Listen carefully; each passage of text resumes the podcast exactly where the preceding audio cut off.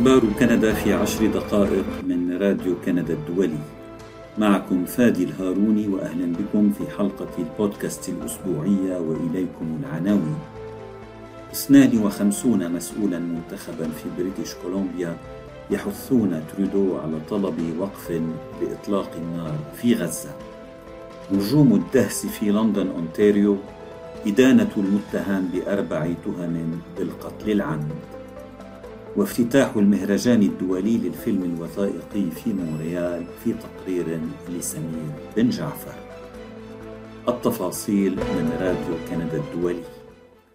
وجه 52 مسؤولا منتخبا في مقاطعة بريتش كولومبيا رسالة مفتوحة طلبوا فيها من الحكومة الفيدرالية أن تدعو إلى وقف لإطلاق النار في قطاع غزة. وطالب المسؤولون المنتخبون الذين يمثلون 29 حكومة محلية مختلفة طالبوا حكومة جوستن ترودو الليبرالية في أوتاوا بممارسة الضغوط من أجل إدخال مساعدات إنسانية دون قيود إلى القطاع الفلسطيني الذي تحاصره القوات الإسرائيلية وتقصفه بلا هوادة ودخلت بعض أجزائه. كما طالبوا بإطلاق سراح جميع الرهائن الذين اختطفتهم حركة حماس الفلسطينية في جنوب إسرائيل في السابع من تشرين الأول أكتوبر الفائت. نحن كمسؤولين منتخبين محليين في كافة أنحاء بريتش كولومبيا مرعوبون وممزقون بسبب الأزمة في إسرائيل وقطاع غزة جاء في الرسالة. وأضاف الموقعون أنهم يشعرون بالخجل من امتناع كندا عن التصويت في الجمعية العامة للأمم المتحدة على قرار يدعو إلى هدنة إنسانية فورية ودائمة ومستدامة تؤدي إلى وقف الأعمال العدائية. يجب أن تكون كندا رائدة على الساحة الدولية، لكنها بدلا من ذلك ظلت على الهامش، قال الموقعون. لقد علمتني قيمي اليهودية أن أقف ضد الظلم ومن أجل تحرير كافة الشعوب صرح من جهته دانييل تيترو عضو مجلس بلدية مدينة بيرنابي وهو أحد موقعي الرسالة. خلال الشهر الماضي قتل آلاف المدنيين الأبرياء ولا توجد نهاية في الأفق. يجب على الحكومة الكندية أن تدعم الدعوة إلى وقف لإطلاق النار أضاف تيترو. وكانت عمدة تورونتو أوليفيا تشاو قد دعت الأسبوع الماضي إلى وقف لإطلاق النار في غزة وإطلاق سراح غير مشروط لجميع الرهائن. من جهته كرر جوستن ترودو مطالبته بهدنة إنسانية مهمة لإرسال المساعدات إلى قطاع غزة وإخراج المواطنين الأجانب منه وضمان إطلاق سراح الرهائن الذين تحتجزهم حماس. وأضاف رئيس الحكومة الكندية أن العنف يجب أن يتوقف لكنه لم يأتي على ذكر وقف رسمي لإطلاق النار. تدرك كندا منذ فترة طويلة أننا بحاجة إلى حل على أساس الدولتين. دولة فلسطينية مزدهرة وآمنة إلى جانب إسرائيل مزدهرة وآمنة أضاف ترودو يمكنك الاشتراك في أخبار كندا عن طريق زيارة موقعنا على الإنترنت كندا سلاش RCI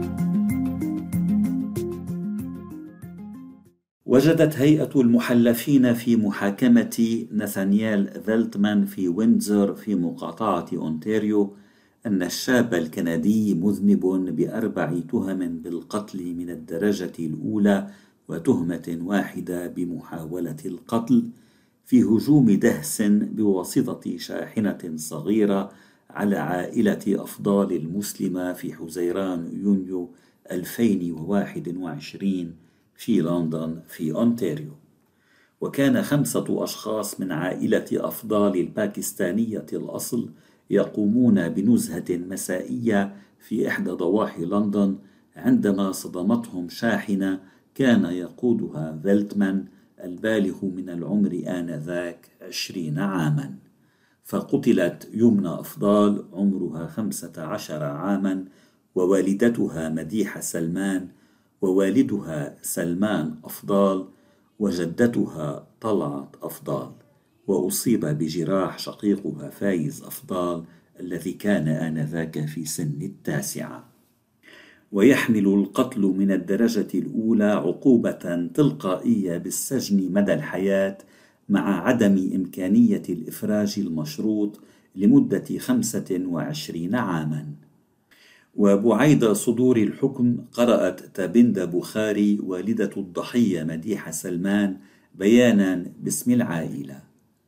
على الرغم من أن هذا الحكم لا يعيد لنا أحباءنا إلا أنه اعتراف من النظام القضائي بأن مرتكب هذه الجرائم الشنيعة كان ينوي زرع الخوف والرعب في قلوبنا جاء في البيان.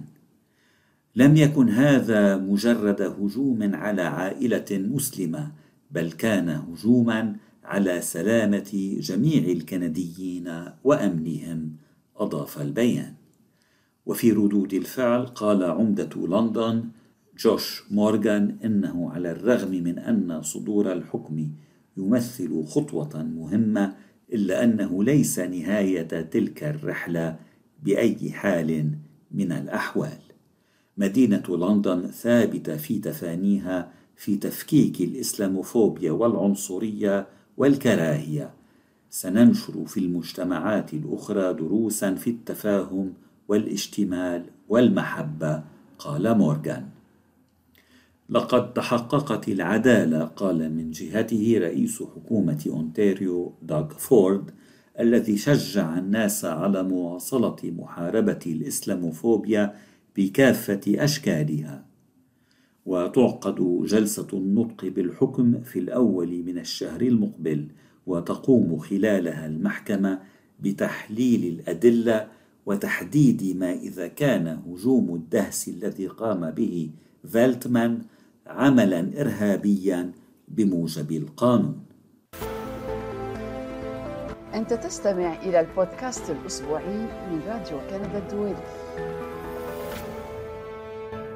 افتتاح مهرجان الوثائقي في مونريال بفيلم حول فلسطين. شاءت الصدف أن يفتتح القائمون على مهرجان اللقاءات الدولية للوثائقي في مونريال أغيديام نسخته السادسة والعشرين بفيلم يعالج موضوعا متعلقا بالقضية الفلسطينية التي هي حديث الساعة منذ السابع أكتوبر تشرين الأول. وأعطيت إشارة الانطلاق أول أمس الأربعاء بفيلم باي باي طبرية للمخرجة الفرنسية الجزائرية الفلسطينية لينا سوالم. ويتواصل المهرجان إلى غاية السادس والعشرين من الشهر الجاري. وتتبع المخرجة مسار أربعة أجيال من النساء من عائلتها الفلسطينية بدءا من تجربتها الخاصة صعودا إلى جدتها الكبرى التي طردت من طبرية في فلسطين مثل آلاف الفلسطينيين الآخرين خلال النكبة عام 1948 وانتقلت بعدها الجدة الكبرى إلى قرية دير حنة العربية التي تبعد نحو 30 كيلومترا عن طبرية. ومنذ ذلك الحين أصبحت طبرية ودير حنة جزءا من تراب دولة إسرائيل التي نشأت من تقسيم فلسطين. واكتشف اكتشف الجمهور لينا سوالم كممثلة ثم كمخرجة من خلال فيلمها الوثائقي الأول جزائرهم لوغ ألجيري الذي صدر عام 2020 وفي فيلمها الوثائقي الجديد تركز على والدتها الفلسطينية وهي الممثلة هيام عباس. وفي مقابلة مع راديو كندا الدولي أوضحت لينا سوالم أنها أرادت من خلال هذا الفيلم الوثائقي إعادة إنسانية أولئك الذين تم تجريدهم من إنسانيتهم. J'ai commencé à écrire le film il y a 5 ans. Je voulais absolument mettre en avant les vies des femmes palestiniennes de ma famille pour leur redonner leur humanité, leur complexité, leur entièreté, parce que c'est des histoires de vie qui sont complètement invisibilisées. عندما بدأت هذا الفيلم قبل خمس سنوات أردت تسليط الضوء على حياة النساء الفلسطينيات في عائلتي لأعيد لهن إنسانيتهن حتى يتسنى لهن الوجود من خلال قصصهن لأن هذه القصص غير مرئية كما قالت لينا سوالم. وتعتبر لينا سوالم أن حياة هؤلاء النسوة صامتة ومنسية وممحية وبالنسبة لها كان من المهم وضع كل ذلك في الفيلم. وهناك مزيد من التفاصيل حول هذا الموضوع في تقرير الزميل سمير بن جعفر. على موقعنا. حلقة البودكاست لهذا الأسبوع انتهت. شكرا لإصغائكم. thank you